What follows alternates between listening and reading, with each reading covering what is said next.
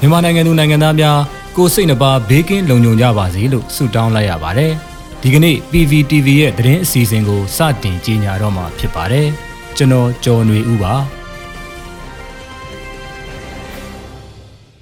အခုပထမဆုံးအနေနဲ့ CDM လုပ်မဲ့စစ်သားနဲ့ရဲတွေအတွက်ကြိုးစိုးလက်ခံရေးနဲ့တက်တွေပေါင်းစည်းရေးအတွက်အထူးကော်မတီတရက်ကို NUG ဖွဲ့စည်းဆောင်ရွက်မဲ့သတင်းကိုတင်ဆက်ပေးပါမယ်။အမျိုးသားညီညွတ်ရေးအစိုးရ NUG အနေနဲ့ CDM ပြုလုပ်မဲ့စစ်သားနဲ့ရဲတပ်ဖွဲ့ဝင်တွေအတွက်ကြိုးစိုးလက်ခံရေးနဲ့တက်တွေပေါင်းစည်းရေးအတွက်ပြည်ထောင်စုဝန်ကြီးချုပ်ဦးဆောင်တဲ့အထူးကော်မတီတရက်ကိုဖွဲ့စည်းသွားမှာဖြစ်တယ်လို့ဒီကနေ့ရက်စွဲနဲ့သတင်းထုတ်ပြန်လိုက်ပါတယ်။သတင်းထုတ်ပြန်ချက်မှာတော့ပြည်သူ့တပ်မတော်သားများပြည်သူ့ရဲတပ်ဖွဲ့ဝင်များနဲ့ဆက်လင်းတဲ့မူဝါဒထုတ်ပြန်ကြေညာခြင်းလို့ဖော်ပြထားတာပါ။တပ်မတော်သားတွေနဲ့မြန်မာနိုင်ငံရဲတပ်ဖွဲ့ဝင်တွေအနေနဲ့ပါအကြမ်းဖက်စစ်ကောင်စီရဲ့ကပိုက်ဆောင်လက်ကင်တို့အဖြစ်နဲ့ ရက်တီမဲ့အစားပြည်သူရင်ဝင်ကိုခိုလုံတဲ့အနေနဲ့ NUG အစိုးရရဲ့ဥဆောင်မှုကိုခံယူရေးကိုပိုင်အသိဉာဏ်နဲ့ဆုံးဖြတ်ကြဖို့လိုတယ်လို့ဖော်ပြထားပါတယ်။အကြမ်းဖက်စစ်ကောင်စီရဲ့လက်ကင်တို့အဖြစ်ရက်တီနေခြင်းက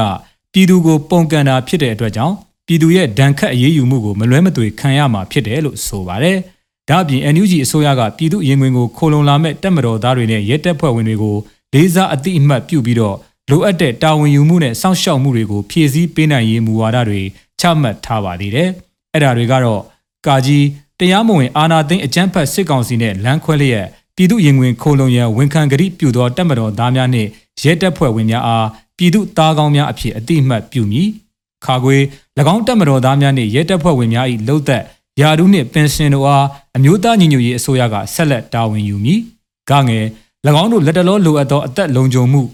မိသားစုလုံခြုံမှုနှင့်ဘဝရည်တည်မှုတို့ကိုအာမခံနိုင်သော ကုညီစောင့်ရှောက်မိအစီအမံများချမှတ်ဆောင်ရွက်သွားမည်။ကာကြီးပြည်သူရင်ခွင်ခိုလုံမိတပ်ရင်းတပ်ဖွဲ့များတပ်ဖွဲ့ဝင်များအားတိုက်ခိုက်ခြင်းဒဏ်ခတ်အရေးယူခြင်းမပြုလုပ်ရန်ပြည်သူကာကွယ်ရေးတပ်မတော်ကို၎င်းမဟာမိတ်များကို၎င်းပြည်သူများကို၎င်းအတိပေးညှိနှိုင်းအကြောင်းကြားမည်။ငါအဆိုပါတပ်ရင်းတပ်ဖွဲ့များတပ်မတော်သားများရဲတပ်ဖွဲ့ဝင်များသည်အသည့်ပြန်လည်ဖွဲ့စည်းမိ Federal ပြည်ထောင်စုတပ်မတော်နှင့်ရဲတပ်ဖွဲ့တွင်အရေးကြီးသောအခမ်းကဏ္ဍမှဆက်လက်ပါဝင်ပူးပေါင်းနိုင်ရန် အစီအစဉ်များချမှတ်ထားရှိမည်လို့ဖော်ပြထားပါတယ်။ယာယီသမရဒူဝါလရှိလာအမိန့်နဲ့ထုတ်ပြန်ထားတဲ့အဆိုပါထုတ်ပြန်ချက်အရတော့ပြည်ထောင်စုဝန်ကြီးချုပ်ကဦးဆောင်ပြီးအထူးကော်မတီတရက်ဖွဲ့စည်းက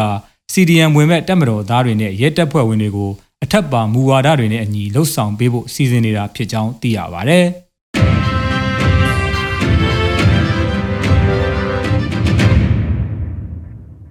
ကရင်အမျိုးသားအစည်းအရုံး KNU တပ်မဟာ9နယ်မြေမှာ တိုက်ပွဲတွေဆက်ဖြစ်လို့နှစ်ရက်အတွင်းမှာအကြမ်းဖက်စစ်အုပ်စုဘက်က12ဦးသေဆုံးပြီး19ဦးဒဏ်ရာရတယ်ဆိုတဲ့သတင်းကိုဆက်လက်တင်ဆက်ပေးမှာဖြစ်ပါတယ်။ကရင်အမျိုးသားအစည်းအရုံး KNU တပ်မဟာ9နယ်မြေမှာတိုက်ပွဲတွေဆက်ဖြစ်လို့နှစ်ရက်အတွင်းမှာအကြမ်းဖက်စစ်အုပ်စုဘက်က12ဦးသေဆုံးပြီး19ဦးဒဏ်ရာရတယ်လို့တပ်မဟာ9ကဒီကနေ့သတင်းထုတ်ပြန်လိုက်ပါတယ်။အကြမ်းဖက်စစ်အုပ်စုတပ်တွေနဲ့သူ့ရဲ့လက်အောက်ခံနေကြားဆောင်တပ်ဖွဲ့ BGF တို့ကစစ်အင်အားတွေဖြည့်တင်းတာစီရေးလှုပ်ရှားလာတာတွေကြောင့်တပ်မဟာ9နယ်မြေဖာပွန်ခရိုင်မှာ တိုက်ပွဲတွေနေ့စဉ်လိုလိုဖြစ်ပွားနေတာပါ။ဩဂုတ်21ရက်နဲ့22ရက်မှာတိုက်ပွဲ9ကြိမ်ဖြစ်ပွားခဲ့တာမှာစစ်ကောင်စီဘက်ကတေဆုံးထိခိုက်မှုတွေများပြီးတပ်မဟာ9ဘက်ကအကြအဆုံးမရှိဘူးလို့ဆိုပါတယ်။စစ်ကောင်စီရဲ့စကားဆရှစ်လက်အောက်ခံခမာယ439ခွန်နဲ့438တပ်တွေ BGF တပ်တွေဟာကမာမောင်ဖာပွန်ကားလန်းလုံခြုံရေးကိုအကြောင်းပြပြီးလမ်းကင်းဆောင်ဆိုင်နေစဉ်မှာဖာပွန်ခရိုင်တွေကကြေးရွာတွေကိုလက်နက်ကြီးတွေနဲ့ပစ်ခတ်တာရှိခဲ့တယ်လို့လည်း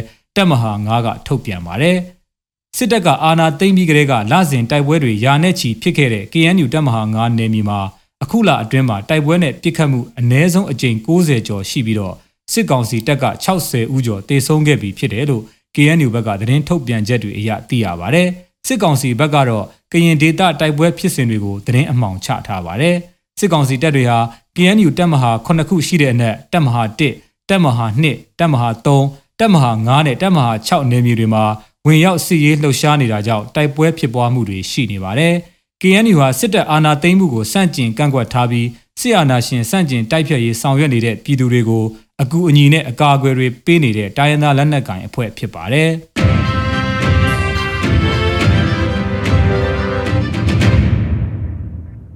အခုနောက်ဆုံးအနေနဲ့မူဆယ်မြို့နယ်ပန်ဆိုင်ဒေသမှာ ကိုးကန်တက်နဲ့အကြမ်းဖက်စစ်ကောင်စီတပ်တိုက်ပွဲတွေဆက်ဖြစ်နေတဲ့သတင်းကိုတင်ဆက်ပေးမှာဖြစ်ပါတယ်။မူဆယ်မြို့နယ်ပန်ဆိုင်ဒေသမှာတိုက်ပွဲအဆက်မပြတ်ဖြစ်ပွားလျက်ရှိတယ်လို့ကိုးကန်လက်နက်ကိုင်အဖွဲ့ MNDAA ကဒီကနေ့မှသတင်းထုတ်ပြန်ပါတယ်စစ်ကောင်စီတပ်တွေကအင်အားအလုံးရင်းစူးစီးလှုပ်ရှားလာတာကြောင့်ပန်ဆိုင်မှာတိုက်ပွဲတွေဇက်တိုက်ဖြစ်နေတာလို့ကိုကန့်အဖွဲ့ရဲ့ထုတ်ပြန်ချက်မှာဖော်ပြထားပါတယ်။ဩဂုတ်20ရက်ကကိုကန့်အဖွဲ့ရဲ့တပ်မဟာ9လက်အောက်ခံတပ်နဲ့ စစ်ကောင်စီတို့မီတန်တောင်ကြားမှာတိုက်ပွဲနှစ်ကြိမ်ဖြစ်ခဲ့တယ်လို့ဆိုပါတယ်။အဲ့ဒီနေ့မွန်းလွဲပိုင်းမှာလည်းပန်ဆိုင်ရဲစခန်းမှာအပြန်အလှန်ပစ်ခတ်မှုတွေဖြစ်ခဲ့လို့စစ်ကောင်စီတပ်ဘက်က2ဦးဒဏ်ရာအပြင်းထန်ရရှိခဲ့တယ်လို့ထုတ်ပြန်ထားပါတယ်။ဩဂုတ်21ရက်မှာလည်းမီတန်တောင်ကျောမှာတိုက်ပွဲဆက်ဖြစ်တာအပါအဝင်တိုက်ပွဲ3ကြိမ်ဖြစ်ခဲ့တယ်လို့ဆိုပါတယ်။အဲ့ဒီတိုက်ပွဲမှာထိခိုက်ကြဆုံးအခြေအနေတွေကိုတော့ဖော်ပြထားတာမတွေ့ရပါဘူး။ကိုကန့်အဖွဲ့နဲ့စစ်ကောင်စီတပ်ဟာ ဇွန်လလလယ်လောက်ကစပြီးမုံကိုဒေသမှာတိုက်ပွဲတွေဇက်တိုက်ဖြစ်ပွားခဲ့ပြီး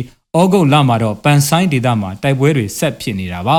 မြန်မာတရုတ်နယ်စပ်တလျှောက်ကဒေသခံ1500လောက်စစ်ဘေးတင်းရှောင်နေရတယ်လို့ရှမ်းမြောက်ဒေသခံတအူးကပြောပါတယ်ခင်ဗျာ။